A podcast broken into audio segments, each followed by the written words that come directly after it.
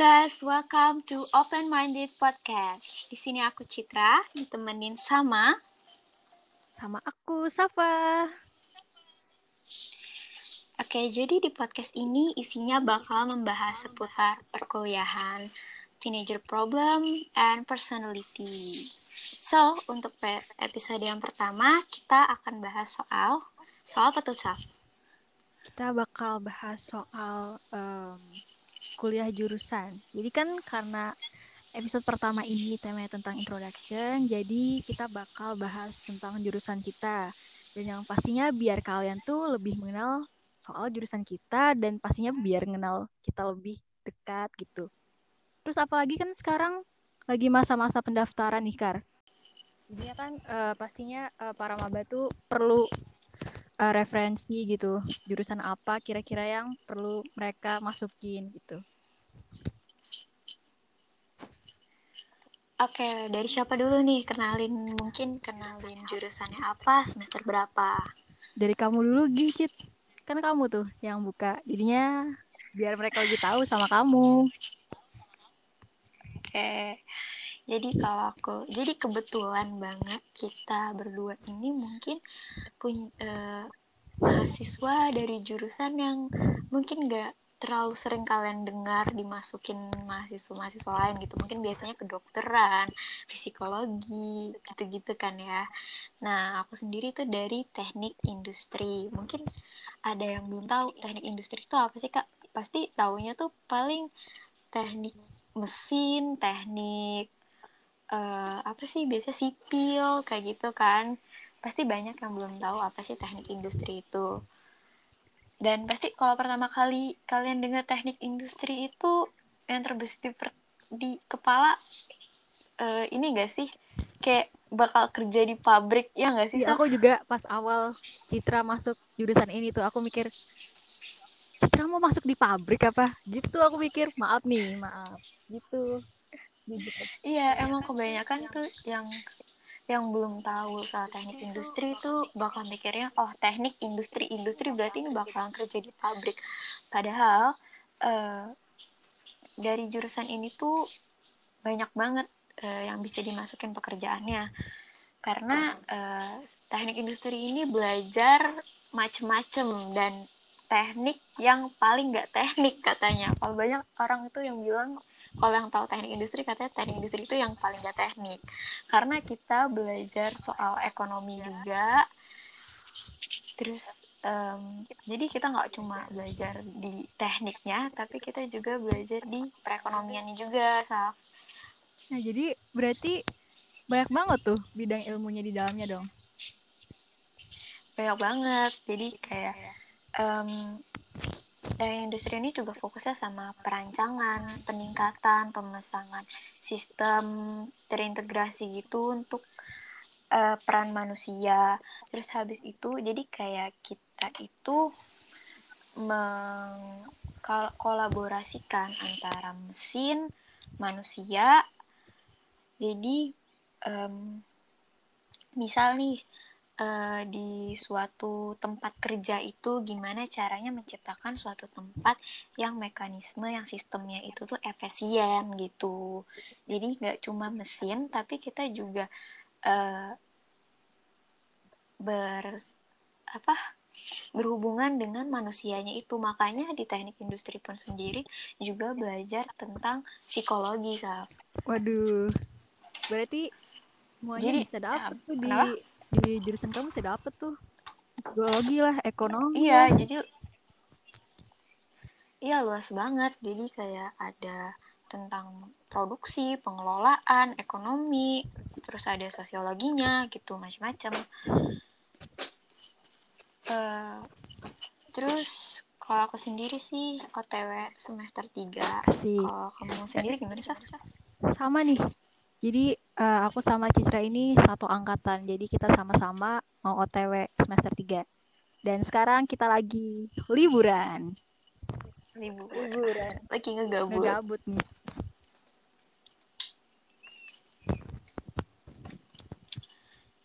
So, boleh diceritain tuh jurusan kamu kayak gimana?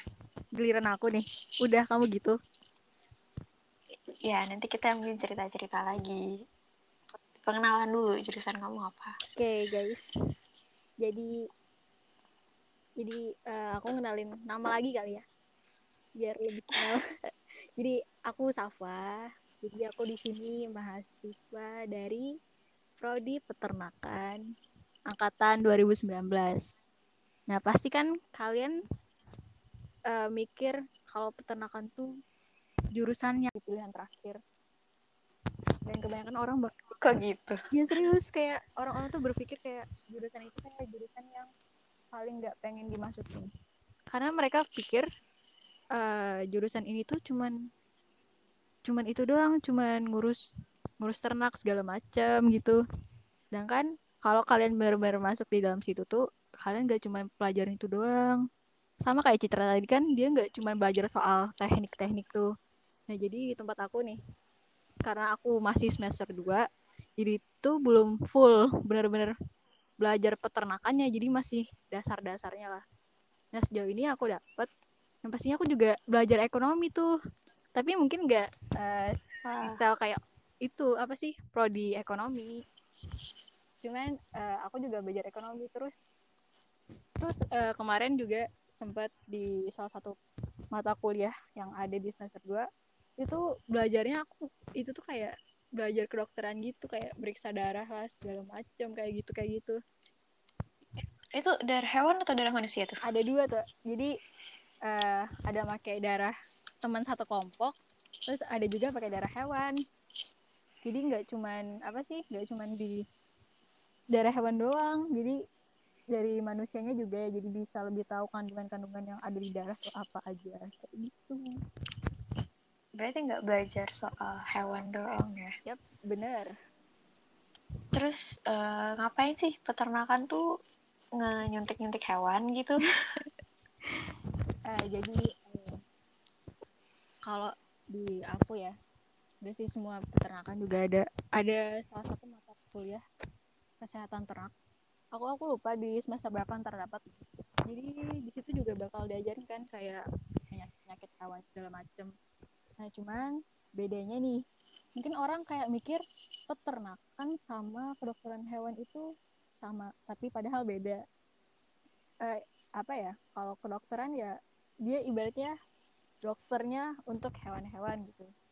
Dari kita sendiri dari peternakan itu gak diizinkan buat buat itu buat menyuntik hewan sebenarnya. Cuman di saat-saat tertentu kita tuh sebenarnya harus punya kemampuan itu. Misalnya kan kayak kalau jurusan peternakan itu itu tuh di apa sih dari kita sendiri tuh diharuskan di apa sih diharapkan diharapkan ke depannya tuh bisa jadi pengusaha. Terus kan nggak mungkin tuh kayak pengusaha kan pasti apa-apa kan harus bisa sendiri tuh. Jadi kita harus punya kemampuan biar ngelola ternak-ternak kita tuh kayak gimana. Jadi harus punya kemampuan nyuntik-nyuntik juga biarpun pas di kuliah gak diizinin buat nyuntik-nyuntik gitu. Intinya harus punya gitu. Tapi diajarin nggak gitu cara nyuntik hewan? Uh, diajarin cuman nggak disuruh gitu. Kalian nggak boleh gitu buat nyuntik karena itu tuh tugasnya dokter hewan. Cuman kan kalau misalnya kalian punya usaha ternak terus tiba-tiba ternaknya sakit masa kalian nunggu dokter hewan? Kan keburu keburu mati. keburu mati kayaknya hewannya. Ya. itu tuh sedikit mengenai jurusan aku sih.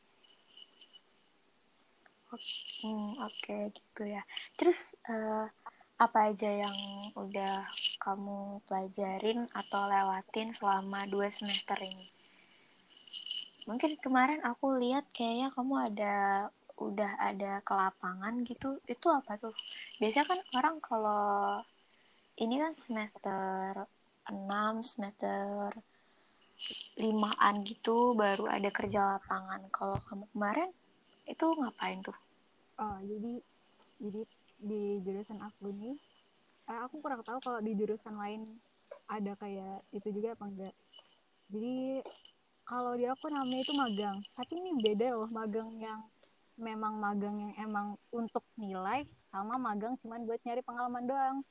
Jadi kalau misalnya magang buat nilai kan tujuannya itu untuk memenuhi SKS di uh, kuliah kan. Nah kalau aku tuh kemarin tuh kayak cuma buat nyari pengalaman doang pengalaman di awal-awal buat nambah ilmu. Apalagi kan maba tuh maba kan nggak tahu apa-apa tuh soal uh, jurusan jurusannya. Nah jadi kemarin aku sama teman-teman aku ikut uh, magang di salah satu uh, peternakan yang ada di daerah Cianjur. Nah dari situ tuh aku tahu gimana caranya apa sih uh, melihara domba segala macam cara cara ngasih makannya terus apa aja kira-kira uh, uh, pakan yang diperlukan. Jadi pakan itu makanan hewan ya. Makanan kalau kita kan bilangnya makanan ke untuk hewan tuh namanya pakan. Nah wah asik tuh kayaknya. terus juga uh, ada tau gak sih uh, kalau misalnya kita bikin pakan tuh kata kata apa sih kata mhm. pemiliknya kita tuh harus tahu dulu rasanya kayak gimana jadi pakan itu dicoba. Wah iya. Terus dicobain kita dimakan? Uh, dicoba jadi kalau misalnya jadi kita tuh kayak tahu itu tuh kira-kira bakal disukain ternak apa enggak. Misalnya kalau kita aja nggak suka apalagi ternak gitu. Emang pakannya dari apaan? Bisa dicobain gitu? Eh uh, pakannya tuh jadi uh, pakannya tuh isinya banyak. Tansum lah jadinya. Tansum tuh kumpulan dari dari apa sih dari bahan-bahan pakan. Jadi banyak segala macam. Terus kemarin tuh aku jujur aku nyium bau pakannya itu suka. Sumpah sumpah. Soalnya gitu tapi itu kayak makanan yang bisa dimakan manusia juga atau kayak gimana? Maksudnya kan biasanya kayak domba makanannya rumput gitu. Masa kita nyobain rumputnya gitu? Eh bukan bukan bukan itu sih bukan bukan pakannya itu. Jadi kalau itu kan pakan pakan apa sih? Pakan daun. Da rumput lah. Hmm. nah, itu rumput. Nah kalau misalnya yang dicobain itu kayak uh, apa sih? Bagian-bagian dari uh, bahan-bahannya itu loh. Kayak misalnya kopi, kopi juga bisa dijadiin bahan pakan kayak gitu jadi bisa dicoba. Oh, kali aja gitu pakannya campurannya pakai rumput terus kita makan yeah. gitu nyobain gitu kan. Enggak. Aku juga nggak mau kalau disuruh makan rumput. Oke. Okay tapi itu berarti uh, magangnya tuh nggak wajib gitu ya? Terserah kita mau ikut atau enggak gitu. Nggak wajib. Jadi keinginan dari hati nurani masing-masing lah gitu. Kesadaran diri berapa lama kemarin kamu magang? Kalau aku magang uh, karena ini magang cuman magang cari pengalaman itu aku kemarin magang cuman sekitar 10 hari. Jadi biasanya kalau magang kayak gitu paling lama itu dua minggu. Paling bentar uh, satu minggu hmm. kayak gitu. Nah Cit kan aku aku magang tuh. Kira-kira di kamu ada juga nggak tuh kayak gitu apa gimana kalau aku sendiri mungkin kalau misalnya dari kebijakan dari universitasnya sendiri-sendiri beda-beda ya. Kalau buat magang yang nggak wajib kayak gitu sih nggak ada. Cuman kalau ada magang yang wajib itu entar semester 6 tujuan kalau aku. Jadi aku belum ada nih dan aku pun masih sem dari semester sampai semester 2 ini maksudnya masih belajar yang basic juga, belum ke fokus ke teknik industrinya sendiri, masih um, pelajaran-pelajaran basic lah kayak kalkulus, fisika, biologi, terus apa? Um, ya yang basic uh, gambar teknik kayak gitu-gitu sih. Itu magangnya ntar di mana, Cit? Kalau aku kan magang kayak gitu di peternakan gitu kan atau enggak di uh, kantor-kantor peternakan. Kalau kamu biasanya di mana tuh? Kalau kayak gitu? kalau kita itu biasanya ntar nanti ada namanya job expo. Nah, di situ tuh kita bisa nyari mau magang sama siapa. Jadi kita yang ngajuin ke universitas kita mau magang di perusahaan mana gitu, mau ngajuinnya di mana gitu. Jadi uh, bisa kita minta rekomendasi atau kita bisa ngajuin sendiri kita mau magang di perusahaan mana gitu. Oh, itu lebih ke perusahaan sih kalau per. Kenapa? Per kelompok atau gimana tuh? Enggak, per individu. Individu. Oh. Kalau uh, senior aku sendiri sih yang angkatan 17 dia habis intern di Unilever kemarin. Kamu tertarik ke Unilever, ke Unilever juga nggak? um, belum tahu sih eh berarti kalau misalnya tuh itu kan eh itu paling lama berapa bu berapa lama tuh magangnya uh, satu semester Hah, serius lama banget Iya nanti kan di ada bikin laporannya segala gitu karena kan memang magang wajib gitu loh. Oh, itu kalau industri uh, teknik industri lain juga kayak gitu? Bagaimana? Teknik industri lain maksudnya? Maksudnya teknik industri di univ lain gitu juga apa gimana? Uh, kayaknya sih beda-beda. Aku kurang tahu kalau misalnya uh, yang program magang itu emang program dari universitas aku. Oh.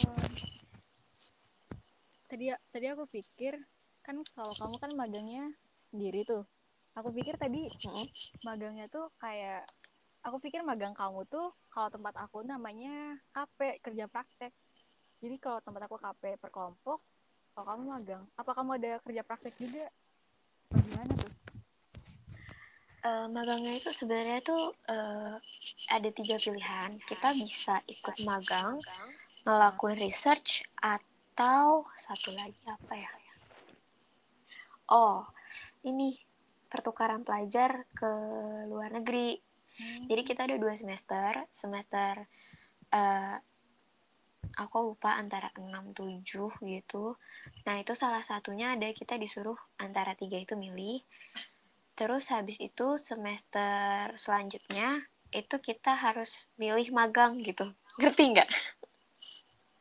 Iya ngerti ngerti ngerti. Berarti uh, satu satu satu semester kita boleh milih antara tiga. Terus oh. habis itu semester depannya kita harus milih magang. Berarti kalau misalnya kamu semester 1 sampai tiga milihnya magang, berarti double dong kalau selanjutnya kayak gitu.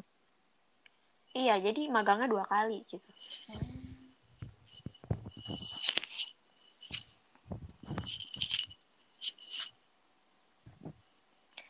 Gitu sih. Uh, kegiatan sendiri apa tuh di perkuliahan? Mungkin bisa diceritain kamu udah ikut apa aja dan uh, benefitnya apa sih? Maksudnya buat yang baru masuk kuliah gitu penting gak sih ikut kegiatan-kegiatan mahasiswa gitu? Atau mending gak usah ikut gitu? Jadi uh, menurut aku pribadi itu tuh penting banget apalagi kan aku termasuk anak rantauan nih. Jadi kalau misalnya aku nggak punya kegiatan apa-apa ya paling kuliah pulang kuliah pulang. Jadi mahasiswa kupu-kupu tuh kuliah pulang kuliah pulang doang. Kuliah pulang. Nah terus uh, kalau misalnya kayak gitu kan gak dapet apa-apa gitu. Ya dapet sih dapet di uh, perkuliahan doang. Terus gak dapet yang lain. Intinya kayak lebih bosen di kos cuma diem doang ya kan mending mending menurut aku daripada kayak gitu mending aku ikut uh, kegiatan-kegiatan lain. Entah itu kayak ikut UKM organisasi di kampus segala macam kayak gitu daripada uh, daripada diem di kos jadi intinya untuk kalian para maba ikut kegiatan itu penting. Penting pakai banget. Gimana tuh menurut kamu penting gak tuh? Kalau menurut aku sih penting sebenarnya uh, di tempat aku uh, aku kebetulan kan ikut uh, himpunan teknik industri gitu. Sebenarnya awalnya tuh aku tipe orang yang males banget yang namanya ikut kegiatan-kegiatan gitu. Bahkan aku waktu SMA nggak ikut osis. But karena uh, sebenarnya uh, ikut kegiatan kayak gitu ngebantu juga buat kenal sama yang lain, kenal sama angkatan kalian, kenal sama angkatan yang di atas kalian kayak gitu. Jadi bisa bikin link buat kalian karena itu bakal penting banget terus habis itu juga belajar banyak banget sih nggak cuma jadi nggak cuma buat uh, ikut apa ikut organisasi cuma karena gabut itu juga nggak nggak cuma karena itu sih ikut itu malah aku lebih suka diem mungkin diem di rumah daripada berkegiatan. Lah kok gitu? Tapi ya aku lebih suka kayak gitu daripada berkegiatan. Tapi kalau misalnya kamu ikut organisasi awalnya sih males. Cuman akhir-akhirnya oh kenal sama kakak tingkat kakak tingkat yang sebelumnya. Terus habis itu mereka cerita soal um, gimana pas mereka kuliah terus habis itu ngasih saran-saran terus habis itu kan kebetulan kakak tingkat aku yang uh, angkatan 17 udah yang ada yang intern segala gitu kan. Jadi dia bisa bagi pengalaman gimana sih pas dia intern gimana pas dia uh, apa daftar kerja itu jadi kayak dapat pengetahuan juga dari situ. Terus habis itu juga dapat um, pengetahuan buat berorganisasi. Gimana sih uh, berorga gimana sih ngatur suatu organisasi itu gitu. Terus habis itu juga aku bakal belajar ya jadi belajar buat berorganisasi juga nggak cuma uh, jadi uh, kan kalian kuliah nih uh, kalau di tempat aku buat ikut organisasi itu juga nggak sembarangan. Harus uh, punya IPK minimal 2, um, 2,75 kalau nggak salah jadi kalau IPK kamu di bawah itu, kamu nggak bisa ikut organisasi. Jadi di situ tuh kita harus ngebalance antara ikut organisasi, tapi uh, kuliah juga harus jalan gitu kan. Jadi di situ juga belajar buat manajemen waktu gitu sih. Banyak banget sih manfaatnya. Sebenarnya daripada nggak ikut apa-apa, terus juga kegiatan-kegiatannya kan banyak tuh pokja-pokjanya. Kayak uh, misalnya ada study tour dan lain-lain misalnya terus ada ngajar gitu. Nah dari itu kan dapat pengalaman terus bisa juga ditambahin ke CV kalian buat nanti kerja gitu. Berarti intinya uh, ikut kegiatan kayak gitu tuh penting ya Cit? Daripada penting jadi mahasiswa kupu-kupu gitu. Yoi.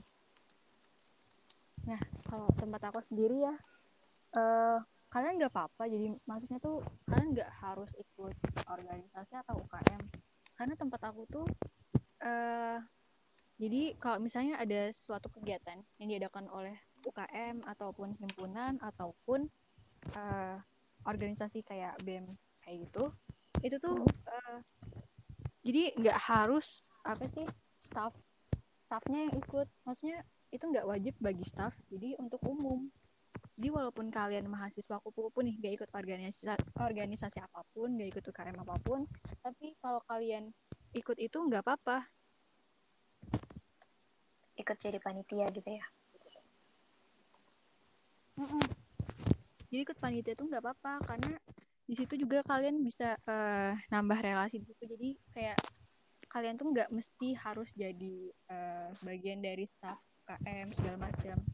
Jadi tempat aku tuh lumayan gampang kalau kalian uh, harus ngumpulin poin daripada mungkin beberapa uh, universitas lain yang mungkin itu cuman dibuka buat uh, anggota BEM atau anggota anggotanya aja. Ya. kayak gitu. Kalau kalau ini harus harus itu ya Jit harus uh, anggota himpunan anggota UKM-nya sendiri yang ikut gitu. Apa gimana? Kalau di tempat aku itu um, jadi kita uh, di organisasi aku sendiri ya di himpunan aku sendiri itu jadi um, ada dua. Ada yang namanya aktif sama pasif. Jadi kalau pasif itu dia um, dia nggak ikut sama sekali organisasi uh, maksudnya nggak nggak ikut sama sekali uh, himpunan teknik industri ini. Tapi kalau dia aktif dia bisa jadi dia pengurus atau cuma uh, anggota aktif. Anggota aktif itu dia bisa ikut kalau ada event kalau ada acara-acara gitu dia bisa ikut jadi panitia. Tapi kalau yang pasif dia nggak bisa ikut. Oh, berarti kayak dan buat jadi aktif itu kita ada poin kadernya gitu.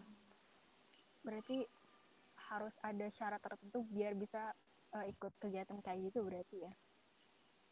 Iya benar banget sebenarnya uh, kalau kalian pengen nambah pengalaman coba aja. Nggak apa-apa lah ikut uh, apa sih ngelawatin syarat-syarat kayak gitu.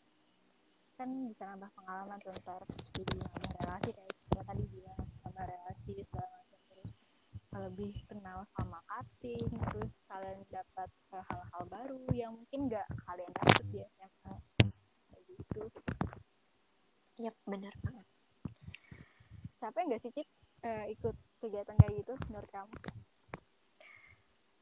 Hmm, karena kebetulan kepengurusan aku pas angkatan aku pas lagi pandemik ah. jadi aku belum ngerasain yang gimana gimananya sih cuman kayak ya paling rapat lewat zoom ngurus-ngurus gitu doang gitu maksudnya belum ada yang gimana gimana karena karena pandemi ini kan jadi nggak bisa. Berarti kayak kegiatan segala macam tuh jadi ketunda gitu ya gara-gara pandemi? Uh, kebanyakan sih dijadiin online. Hmm. agak beda sih rasanya kalau online sama nggak online gitu. Iya beda banget. Dan dan itu sih sebenarnya bikin susah pengurus buat mikirin karena misalnya suatu kegiatan yang harusnya dikerjain um, offline yang banyak kegiatan fisiknya misalnya kayak adalah uh, suatu um, prokja yang berhubungan sama kaderisasi buat mahasiswa baru dan itu banyak banget kegiatan fisiknya kayak ada games dan lain-lain. Itu kayak nggak bisa digantiin sama online gitu. Bisa sih cuma jadi nggak seru gitu. Susah iya sih kayak gak seru sih kalau tiba-tiba kegiatan yang biasa uh, offline ketemu tuh tatap muka. Kan kalau misalnya ketemu langsung kan bisa lebih kenal dekat tuh. Tapi karena online jadi jadi apa sih keakrapannya tuh agak berkurang menurut aku. Eh terus Cid uh, dari kalian sendiri uh, apa sih biasanya kayak permasalahan apa yang kalian hadapin pas pandemi kayak gini. Di organisasi gitu. Terus kira-kira kalian ada apa sih? Ada cara menanggulanginya apa gimana gitu biar kegiatan kalian tetap berjalan. Terus biar uh, biar apa sih? Mereka yang ikut dalam kegiatan tersebut tetap merasakan kebersamaan dari acara kalian. Um, kalau apa yang dihadapin sih pastinya ngejalin prokja ya. Khususnya buat divisi aku itu agak susah ketika pandemi ini karena banyak kegiatan yang harus dilakuin secara offline dan secara fisik. Hmm. uh, ya mau nggak mau online gitu. Terus abis itu kayak maybe kita dari bikin video gitu atau lewat zoom kayak kemarin kita harusnya ada LDK jadi pelaksanaan LDK-nya itu secara online lewat zoom gitu terus habis itu ya mungkin kita kayak mengisinya bikin challenge di Instagram gitu buat ngepost dan lain-lain. Kayak gitu sih lebih ke situ. Nah guys dari apa yang kita bilang tuh pandemi itu bukan apa sih bukan penghalang bagi kalian untuk tetap produktif. Gitu.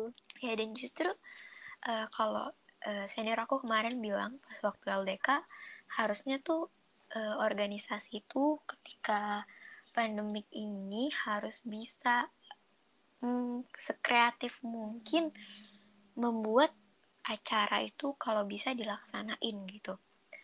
Jadi uh, kita ketika kan misalnya nih ada suatu kegiatan yang selalu diadain offline. Nah, ketika pandemi gini, kita harus kreatif, harus bisa gimana caranya nih event tetap terlaksana gitu. Dengan uh, kreativitas kita gimana caranya bikin itu menarik gimana caranya bikin itu banyak pesertanya kayak gitu. Jadi ketika pandemik ini selesai suatu organisasi itu bisa berkembang gitu. Nggak stuck di situ-situ aja kayak gitu-gitu aja kayak gitu. Misalnya hmm, tahun lalu acara ini offline-nya kayak gini terus habis itu nanti uh, kepengurusan selanjutnya kayak gitu lagi kayak gitu lagi kayak gitu lagi kan nggak berkembang Nah, justru ketika pandemi kayak gini, harusnya suatu organisasi itu lebih bisa berkembang lagi, me, apa lebih kreatif lagi gitu. Jadi ketika selesai pandemi itu ini organisasi tuh lebih ya lebih grow up lagi lah gitu dari sebelumnya. Iya bener banget tuh. Jadi biar uh, kita tuh nggak boleh punya mindset misalnya pandemi nggak bisa ngapa-ngapain ya udah ya udahlah diem aja nunggu gitu nunggu sampai ini selesai. Dan sedangkan kan kita nggak tahu ini kapan selesainya gitu. Jadi kita harus punya plan yang lain gimana caranya eh, misalnya kita ganti dengan event yang lain tapi yang bisa menarik gitu. Gitu. Iya sih kayak pandemi sekarang tuh kayak jadi tantangan baru buat organisasi-organisasi kayak gimana caranya mereka bisa mutar otak dua kali biar setiap proker setiap acara tetap berjalan. Dan salut sih sama kayak sama mereka mereka yang bisa uh, ngejadi, ngejadiin pandemi ini biar tetap berjalan apa sih proker proker mereka kegiatan mereka tetap berjalan yang baik. Salut buat kalian semua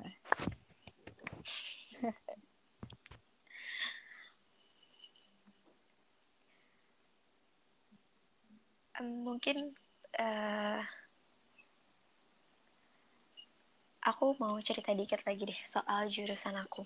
Boleh. Tadi kan aku udah secara eksplisit lah ngejelasin soal jurusan aku. Uh-uh. Kalau di universitas aku sendiri itu uh, nanti kita semester 4 kalau nggak salah itu ada pembagian. Jadi kita bisa milih antara manufacture, yeah supply chain sama serv serv service system. Apa tuh bedanya masing-masing antara ketiganya? Jadi kalau manufacture itu kita fokus di hmm, kayak mesin lebih ke mesin-mesin gitu. Karena kan sebenarnya teknik industri itu uh, turunan dari teknik mesin sebenarnya. Jadi kalau manufacture itu lebih kayak penciptaan barang-barangnya kayak mesin-mesinnya kayak gitu. Jadi nanti uh, kita di kampus itu punya bengkel ya gitu. Jadi di situ uh, kita waktu itu uh, aku ada lihat waktu di hari pertama perkenalan ada lihat uh, ciptaan senior aku. Jadi kayak dispenser tapi dia pakai sistem tapping. Hmm pakai card gitu. Jadi di situ kayak kita nyiptain nyiptain barang gitu.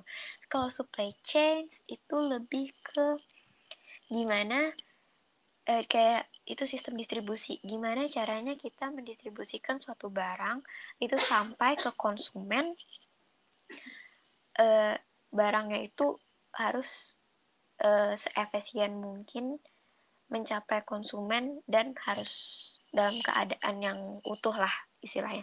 Misalnya aja contohnya kayak uh, kamu pasti pernah beli es krim yang misalnya SpongeBob atau Mickey Mouse yang harusnya bentuknya SpongeBob atau Mickey Mouse terus abis itu pas kita beli malah matanya ada yang ini ada yang apa nggak bener bentuknya atau ada yang hilang gitu kan.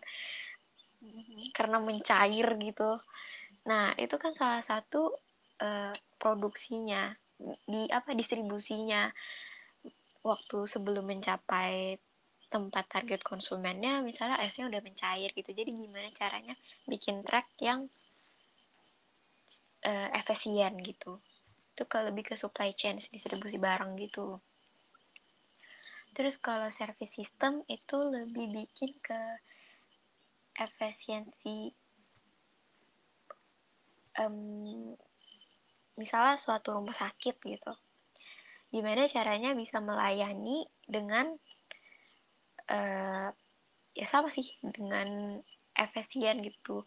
Terus uh, si pasiennya ini bisa dengan mudah uh, melakukan administrasi dan lain-lain kayak gitu. Jadi kita uh, teknik industri itu lebih ke merancang sistem. Sendiri? Udah ada gambarnya belum Kit? Mau ke mana kalau aku kayaknya ke supply chain karena aku kurang tertarik sama sesi sistem dan aku sebenar sebenarnya sih awalnya tuh pengen banget masuk manufaktur. Tapi kalau kamu masuk manufaktur kamu harus bisa gambar gambar teknik. Dan gambar teknik itu aku dapet semester 1 kemarin. Oh no kayak nggak deh menyerah gitu. Itu kayak bener-bener kita jadi kamu tahu gak sih tugas aku ngapain waktu waktu gambar teknik itu? Enggak enggak waktu ada matkul itu aku disuruh gambar remote. Hah? buat apa? Eh, itu harus digambar secara manual pakai tangan sama dimasukin ke uh, ada aplikasi gitu di laptop. Jadi kita harus jadi kita waktu itu harus disuruh jadi remote-nya itu udah ditentuin sama kakaknya sama aslabnya terus kita disuruh kukur pakai penggaris jangka sorong dan lain-lain sebagainya. Kita ngitung kedalaman uh, tombolnya ngitung luasnya ngitung panjangnya ngitung tinggi tombolnya seberapa tinggi. Itu semua dihitung tombol lampunya itu seberapa dalam. Itu semuanya dihitung dan di aplikasi di aplikasinya di uh, laptop itu terus juga digambar pakai ini di kertas. Terus kita juga pernah gambar cutter. Cutter yang bentuknya begitu doang ternyata kalau digambar di uh, sebut aja namanya itu AutoCAD. Itu susah banget. Itu kayak kedalaman pisaunya aja. Itu jarak dari pisau ke pinggiran apa namanya yang plastik pinggirnya itu juga harus dihitung berarti kayak semuanya ah, dihitung segala macam gitu. Iya harus kayak ya hampir presisi lah dengan aslinya. Wow. Jadi kayak oh no nggak nggak nggak nggak banget nggak mau. Karena aku juga nggak pinter gambar orangnya so itu menyiksa banget. Sebenarnya aku pengen banget sih masuk manufaktur. Kayak rame aja gitu belajar bikin mesin gitu sebenarnya ada satu mata kuliah yang bikin aku kaget ngapain aku belajar ini. Kenapa tuh? Belajar biologi. Tapi tapi agak bingung juga sih. Kalian kan teknik tuh. Kayak fisika segala macam kan sebenarnya kayak dasarnya. Tiba-tiba biologi. Kok bisa tuh? Kan kamu juga bingung kan pasti pasti kebanyakan orang bakal bingung nih anak teknik ngapain belajar biologi? Apa hubungannya? Gitu. Tapi setelah aku pikir-pikir abis um, kayak ngelihat penemuan-penemuan yang udah ada gitu dan lain-lain itu sebagai sebagai uh, sebagainya susah banget ngomong sebagainya doang. Itu berhubungan sih kayak misalnya aja uh, kamera. Kamera itu kan uh, dari mana sih? Uh, apa bentukannya itu mirip apa sih gitu? Mirip sama mata manusia ya enggak sih? Ada lensanya, ada pengaturan cahayanya, anggap aja kayak pupil kita. Terus habis itu uh, mirip lah pokoknya uh, kerjanya tuh sama um, mata manusia. Terus kalau misal kamu nyiptain robot, dari mana sih inspirasinya gitu? Robot itu punya gimana caranya uh, bikin robot bisa bekerja gitu kan salah satunya tuh juga ada mengambil adopsi dari gimana cara kerja sistem saraf kita, sistem saraf manusia. Terus habis itu gimana cara kerja otak manusia, gimana cara manusia itu belajar. Menurut aku dari situ sih nyambung sih. Jadi kalau kita kenal sama diri kita sendiri, kita belajar biologi nih, kita kenal kan gimana sistem kerjanya tubuh kita. Kita bakal tahu kalau kita mau nyiptain sesuatu, mungkin kita bakal terinspirasi dari tubuh berarti, kita sendiri gitu.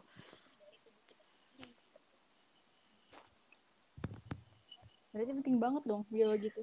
Menurut aku sih uh, penting sih.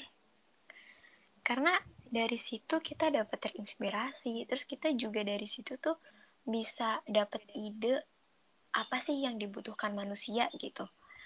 Kayak misalnya, misalnya aja hal yang uh, sepele lah kayak HP kayak telepon gitu kita pasti ya pasti penemunya itu dapat ide itu karena kebutuhan manusia kan untuk berhubungan dengan orang yang lebih jauh gitu. Akhirnya dapat ide itu gitu. Sebenarnya dari belajar biologi itu pertama kita bisa mengadaptasi apa yang kita uh, ketahui dari cara kerja tubuh kita sama mengetahui apa yang dibutuhkan manusia gitu. Jadi kita bisa menciptakan suatu barang yang bermanfaat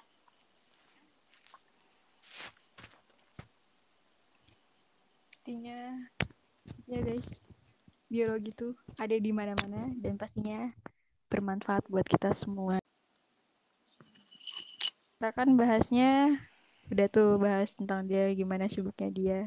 Mungkin aku mau bahas sedikit lagi tentang jurusan aku kali ya Cip. Oke. Okay. gimana tuh? Ini nggak jauh kayak uh, prodi-prodi lain. Prodi aku jurusan aku juga sibuk di praktikum segala macem. Jadi mungkin kalau misalnya untuk kebanyakan orang berpikir kayak jurusan peternakan itu tuh uh, adalah jurusan yang mungkin apa ya bisa dibilang santai lah. Mungkin orang-orang pikir itu tuh santai. Tapi kalau kalian masuk di situ itu nggak santai sama sekali. Jadi uh, mungkin kalau semester kenapa tuh nggak santai? Sama kayak kamu tuh Cid. Kayak kalau kamu kan uh, disuruh ngitung segala macam kan kayak uh, sampai kedalaman tombol remote juga kan tadi. Terus praktikum juga. Kalau aku tuh uh, apa ya lebih ke praktikumnya kali ya. Praktikumnya lumayan padat menurut aku. Mungkin kalau di semester awal praktikumnya tuh masih dikit.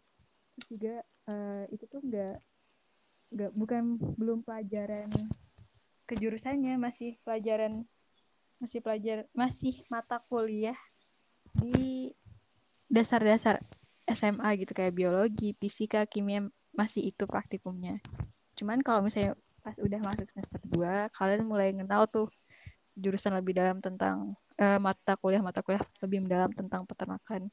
Itu tuh padat banget praktikumnya.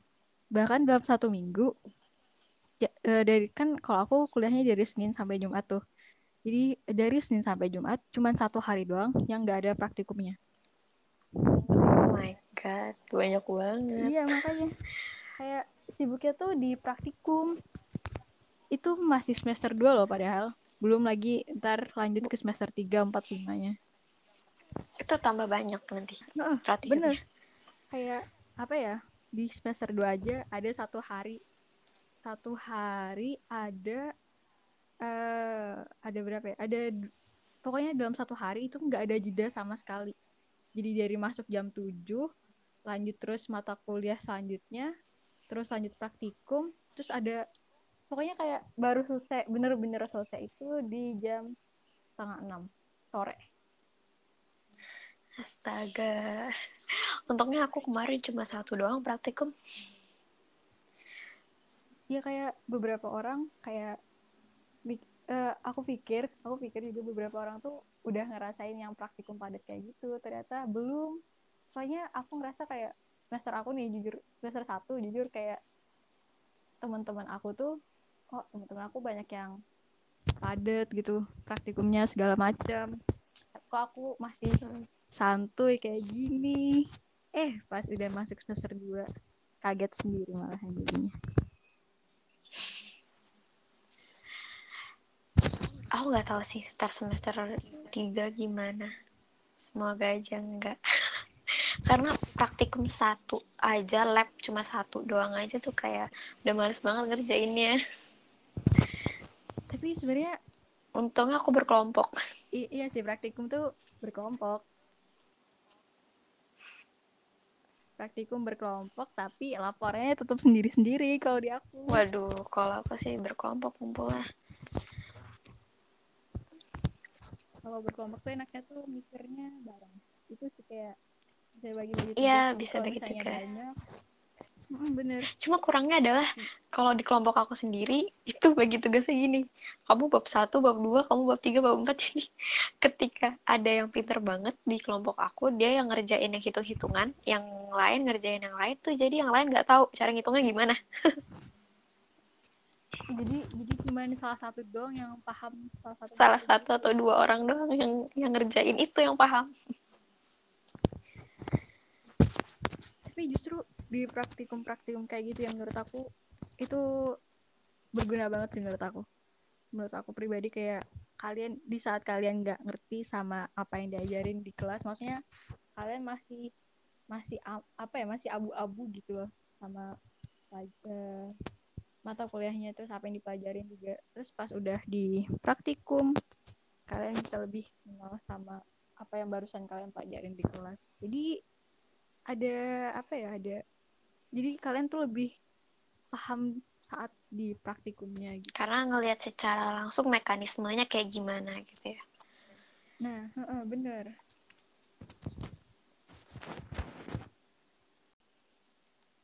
Terus ngomongin soal jurusan itu, kira-kira uh, apa sih kayak mungkin kasih tips atau apa gitu atau buat maba-maba baru gitu. Maksudnya apa nih tips? Tips per jurusan ya? atau uh, in general kuliah? Tips buat jurusan kamu deh gitu. Entah mungkin apa, mungkin kalian uh, kamu punya nasihat buat para maba gitu. Biar bisa. Apa ya? Kalau buat spesifik ke jurusan, aku belum ada sih. Karena aku baru ngelewatin dua semester dan yang aku pelajarin masih hal-hal basic. Jadi belum ada belum ada yang gimana-gimana. udah kalau gitu yang umum aja deh, general aja. Yang general. yang general kalau kuliah yang aktif. Terus cobain kalau ada apa pun uh, apa opportunity buat lomba atau ikut sesuatu dan kamu bisa ikutin aja buat nambah CV terus kegiatan apa pun kalau misalnya kamu bisa ikut ikutin aja terus apa ya? Kalau kamu sendiri ada nggak? Apa ya? Kalau mungkin kalau dari aku uh, sarannya mungkin karena dari SMA ke kuliah itu kan beda banget ya. Uh perubahannya beda banget. Jadi persiapin diri lebih baik aja sih. Kayak mungkin jangan jangan sampai ntar kaget itu pas udah di kuliah. Oh, iya. karena di kuliah kan dia apa sih dituntut untuk mandiri nggak kayak pas SMA terus juga ya kayak kayak kata kamu tadi coba-coba hal baru lah. Jangan cuma diem gitu. Oh, iya, kayak lomba entah kepanitiaan organisasi segala macam betul banget di perkuliahan tuh ini banget apa um, harus pintar-pintar nge-manajemen waktu terus harus pintar-pintar ngeliat hmm. opportunity terus juga kalau buat kamu yang anak rantauan mungkin ikut-ikut uh, kegiatan-kegiatan itu pentingnya adalah nyari link nyari temen. Apalagi yang misalnya dia emang dari asal daerahnya dari situ. Jadi kalian punya teman buat ditanyain nyari-nyari barang atau apa pun gitu. Terus kalau misalnya kalian butuh bantuan gitu kalian punya link punya temen gitu. Mungkin ini ntar berkaitan sama episode kita yang selanjutnya tentang culture shock ya nggak sih iya tuh. Ini penting banget buat mereka yang rantau di tempat baru di luar pulau lah luar kota lah. Culture shock tuh adalah salah satu fase kalian hidup di tempat baru. Mungkin kita ah adalah ya kejutan buat episode selanjutnya tentang buat ngomongin tentang culture shock. Ya tuh. Ditungguin aja jangan lupa dengerin. Yep um, jadi mungkin itu yang bisa kita bagiin hari ini mengenai perkuliahan yang mengenai jurusan yang ada. Maksudnya mengenai jurusan kita. Terus apa aja sih kegiatan yang udah kita lalui selama dua semester ini? Dan betapa pentingnya kalian buat aktif ketika kalian kuliah karena uh, waktu kalian kuliah sama kalian SMA itu beda banget. Karena kuliah ini Jangan tuh karena kuliah ini itu adalah fase terakhir kalian sebelum benar-benar terjun ke dunia nyata gitu. Jadi di sini tuh eh, fase-fase kalian buat mencari opportunity, mencari sebenarnya kalian itu minatnya ke mana gitu. Sebelum benar-benar terjun ke kenyataan.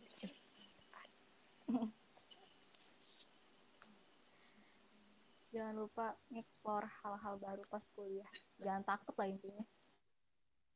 Benar banget. Oke, mungkin itu aja. Itu aja dari di episode ini. Makasih buat udah dengerin. Jangan lupa Maaf mungkin apa nih? Maaf mungkin kan masih karena episode pertama jadi masih kaku. Iya, bener banget. Ini adalah episode pertama pertama kali kita bikin Pertama podcast. so, kita bakalan upload setiap minggu, satu minggu sekali. Tungguin aja di podcast kita, open minded. Um, see you next episode. Bye bye. Dah. Jangan lupa dengerin.